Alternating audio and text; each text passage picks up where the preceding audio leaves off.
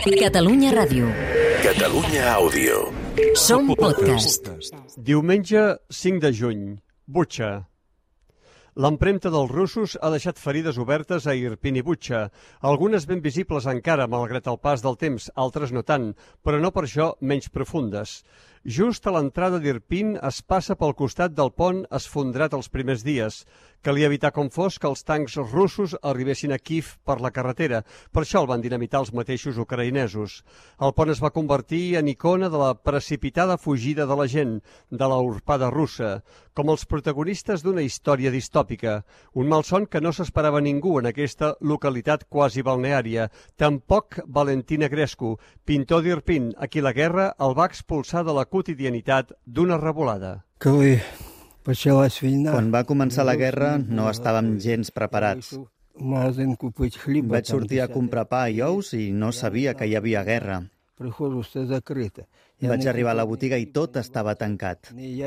Va ser a la tarda quan em vaig assabentar que hi havia guerra. Sense l'església bíblica d'Irpin no hauríem mort per les explosions, sinó de gana вибухів, кому повезе, а від того, що не було їжі. Tot seguit, a tocar de la carretera, un altre monument a la brutalitat salvatge i desmesurada.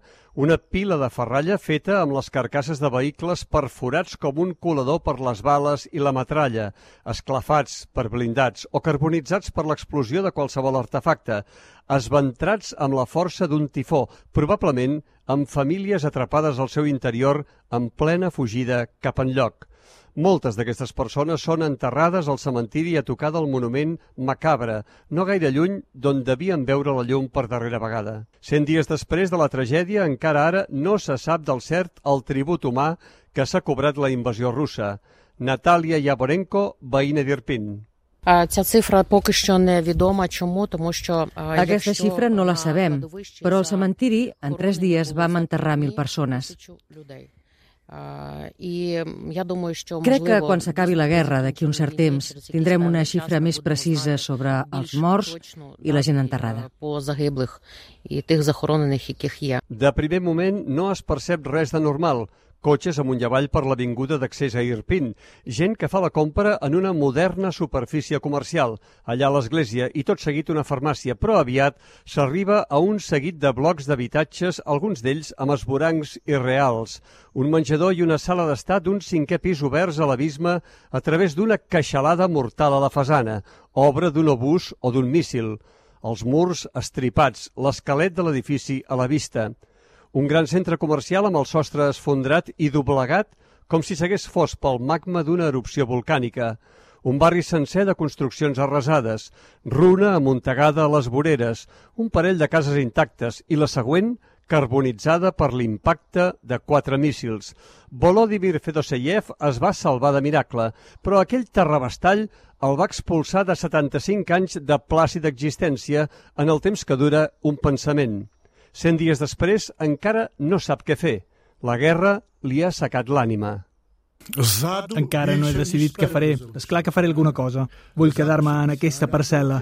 Aquí vivien els meus pares i ja vull acabar aquí d'alguna forma. Volodymyr Fedoseyev ha plantat una tenda de campanya al vell mig del jardí i és on viu ara.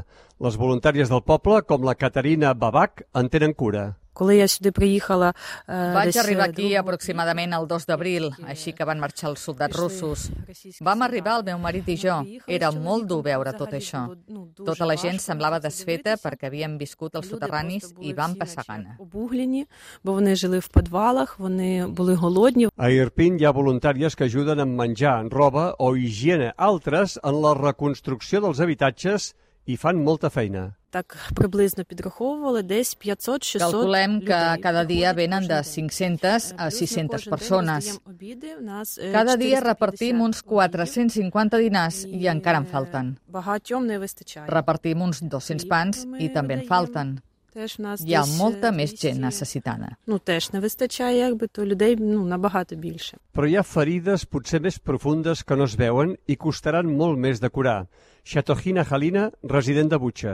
Страх є, і тому якось... Por n'hi ha. No és que ens hi haguem resignat, és que l'ànima ha quedat endurida i simplement estàs esperant la victòria. Et fa mal i hi ha por perquè no s'ha acabat tot. Tot i que els soldats russos van robar molt, no goso fer grans reparacions ni grans compres. Ну, не піднімається рука. A la sortida de Butxa i d'Irpin hi ha gent que fa pícnic sota l'ombra d'un bosc de pins catedralicis en un dia assolellat. Però per molts dels habitants d'aquestes dues tranquil·les i pacífiques poblacions envoltades de natura, des d'aquell fatídic 24 de febrer, el benestar s'ha convertit en una llegenda i la seguretat en un somni infantil. José Antonio Muñoz, Toni Arbonès, Butxa. Catalunya Ràdio. Catalunya Àudio. Som podcast.